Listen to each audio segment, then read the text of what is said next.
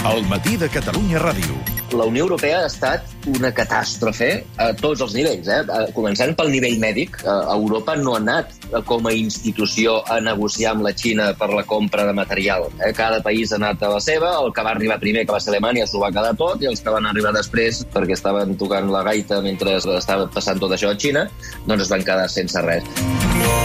Amb Mònica Terribas.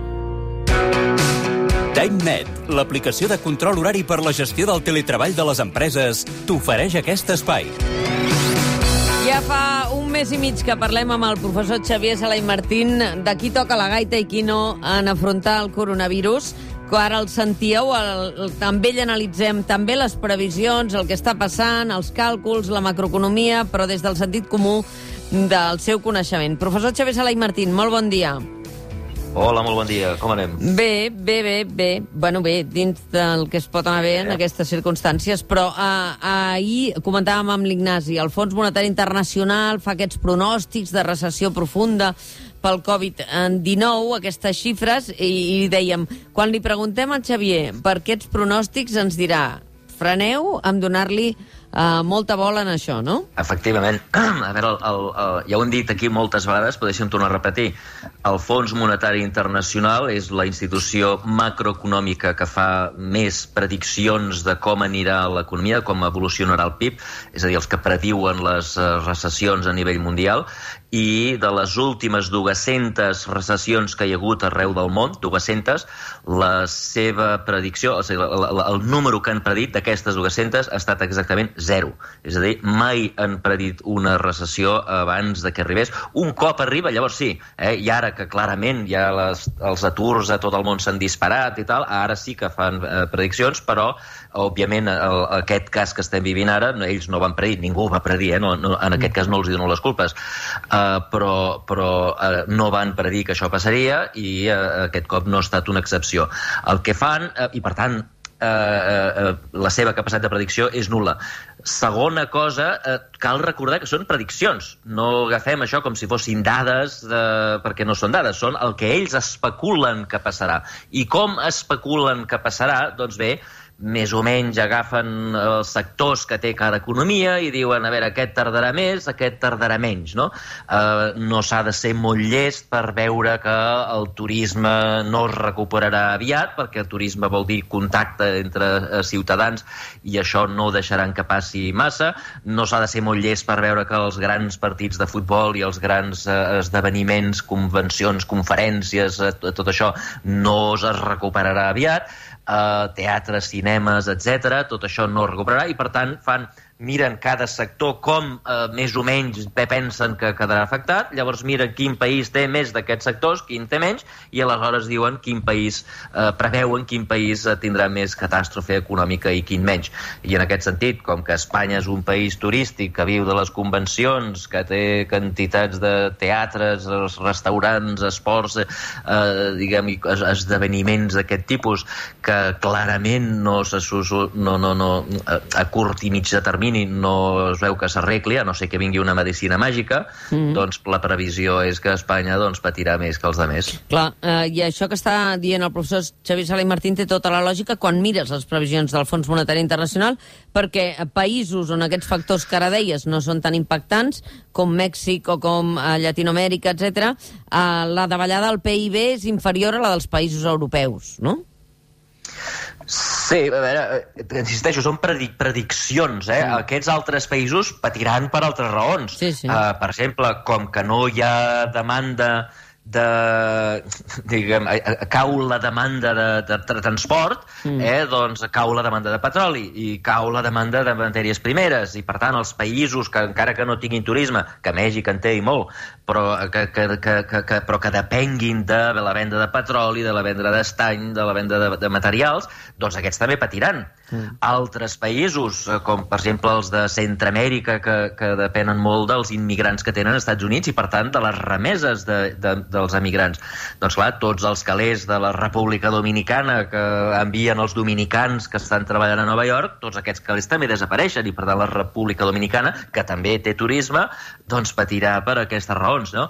Uh, diguem, però, però tot això són les coses òbvies que, que, que, que un sembla que pot, poder, pot, pot dir, però que en el fons no pot dir. O sigui, tot això que fa el Fons Monetari Internacional, en el fons, tot això que fa el Fons Monetari Internacional, en el fons, és fer volar coloms. És, eh, per què? Doncs perquè tot depèn del temps que duri. Clar. Eh? Quan tindrem una cura? Si la setmana que ve ens venen uns científics d'algun de, centre científic d'Estocolm de, de, i ens diuen, senyors, aquí està la cura, o al setembre ens ve una vacuna, o no arriba res fins d'aquí dos anys, la cosa serà molt diferent. Si tenim test o no tenim test serà molt diferent. Ara mateix estàveu parlant amb uns senyors que estan a Alemanya que deien que, com que allà tenen milions de tests, perquè allà es van eh, despertar d'hora i van acaparar tots els testos que hi havia al món, i poden fer testos, doncs, eh, doncs ells poden desconfinar. I si tu pots desconfinar, doncs l'economia no pateix tant perquè la gent pot anar a treballar. Mm -hmm simplement a, a la gent a l'entrar a treballar els hi fas un test i si donen negatiu treballen i si no se'n van cap a casa quarantena 15 dies. I així eh, la gent pot treballar amb una certa tranquil·litat. Els països que no tenen test doncs ens quedarem aquí atrapats a casa durant mesos i mesos perquè eh, no hi haurà manera de desconfinar.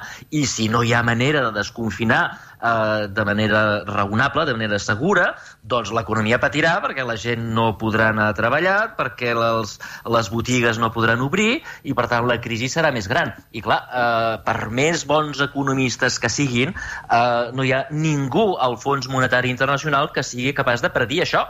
Ja. perquè això no ho sap ningú.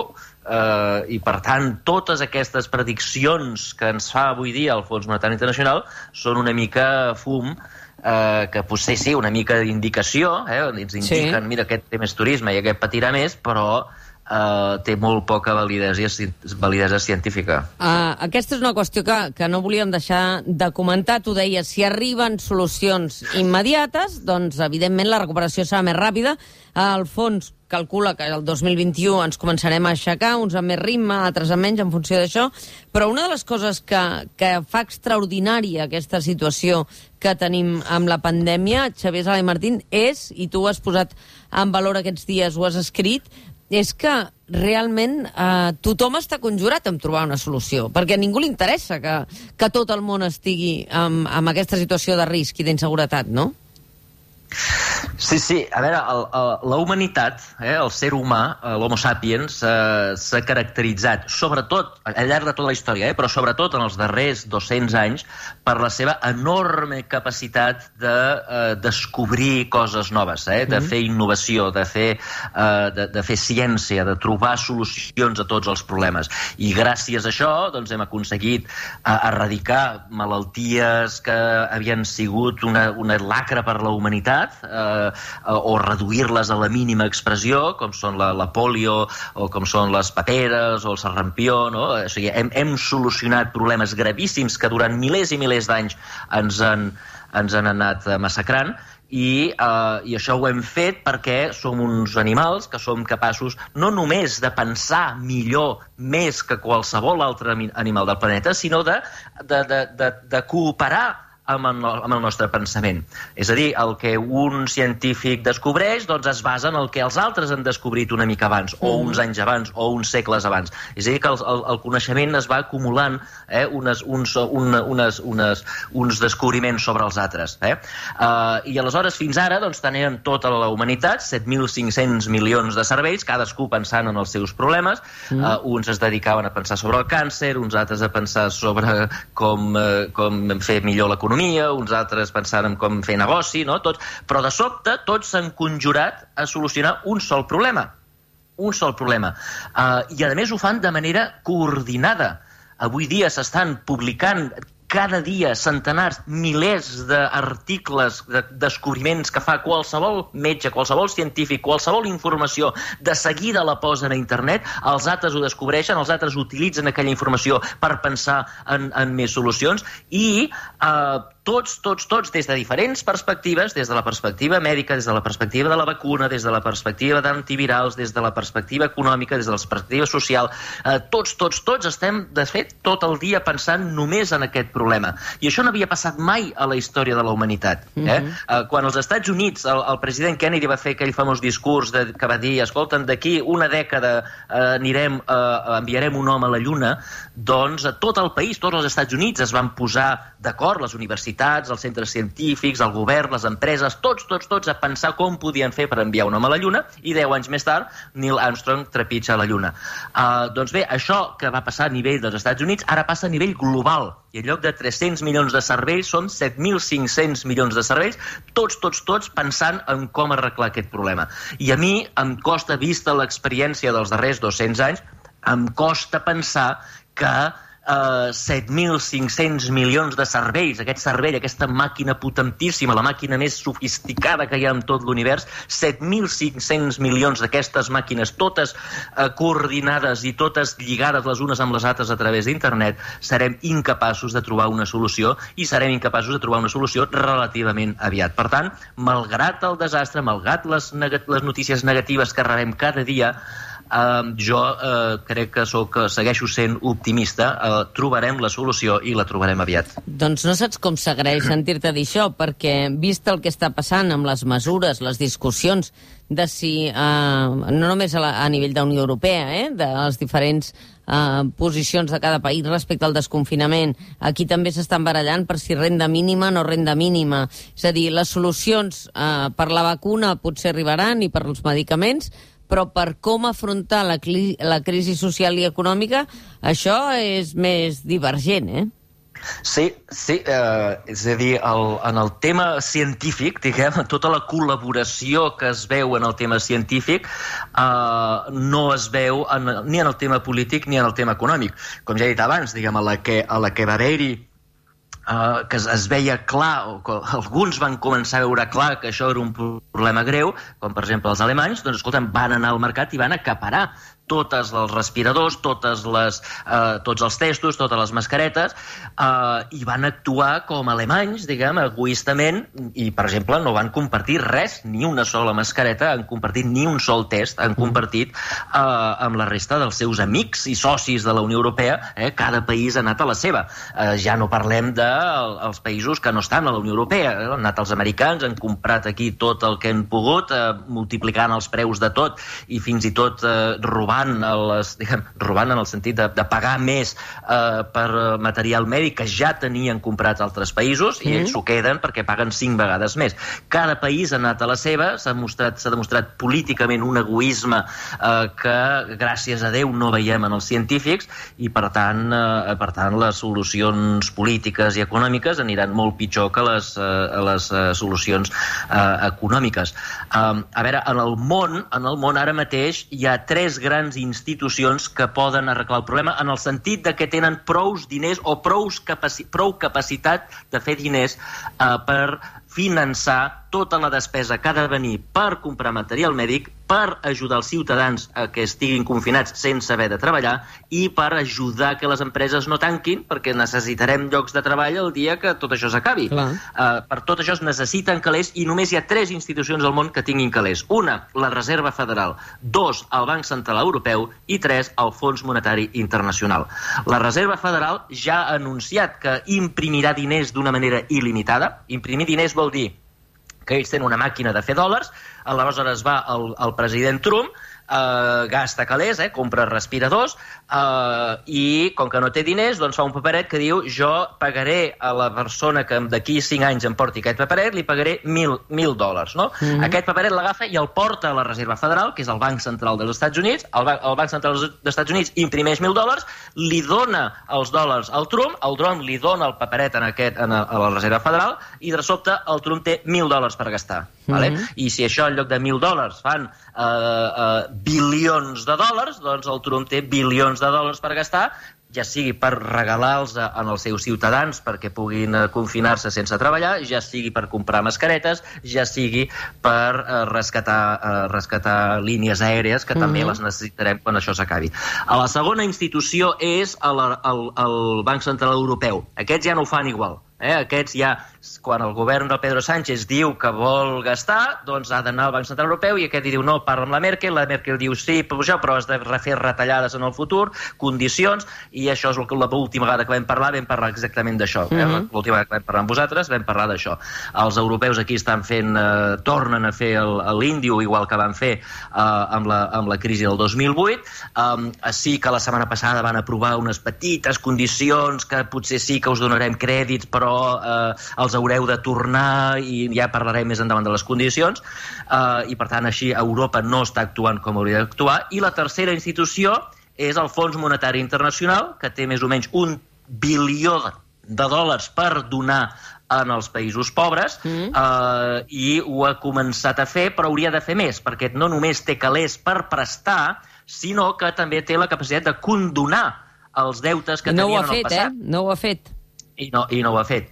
És a dir, els calés que ara mateix a Costa Rica o, o, o Camerún, no? eh, diners que han de tornar en els crèdits del Fons Monetari Internacional, tots aquests calés s'haurien, en lloc de pagar el Fons Monetari Internacional, haurien de fer servir per comprar mascaretes i per ajudar els seus ciutadans. Si tu els hi obligues a tornar aquests calés, eh, doncs, òbviament, treus recursos per poder ajudar en els propis països. Per tant, no només hauria de tenir la capacitat també d'imprimir diners. El, el Fons Monetari, curiosament, té una cosa que es diu SDRs, que és una mena de diners del Fons Monetari Internacional, que podria imprimir per ajudar els països emergents, però també hauria de fer més i condonar, almenys de manera temporal, eh? no, si no condonar, almenys posposar un any o dos anys el pagament del deute que tenen acumulats perquè els països emergents eh, eh, puguin fer front als problemes. Perquè, si no, els països emergents, que no tenen ni el Banc Central Europeu ni tenen el Banc de la Reserva Federal, eh, i que pateixen igual la crisi, perquè aquests eh,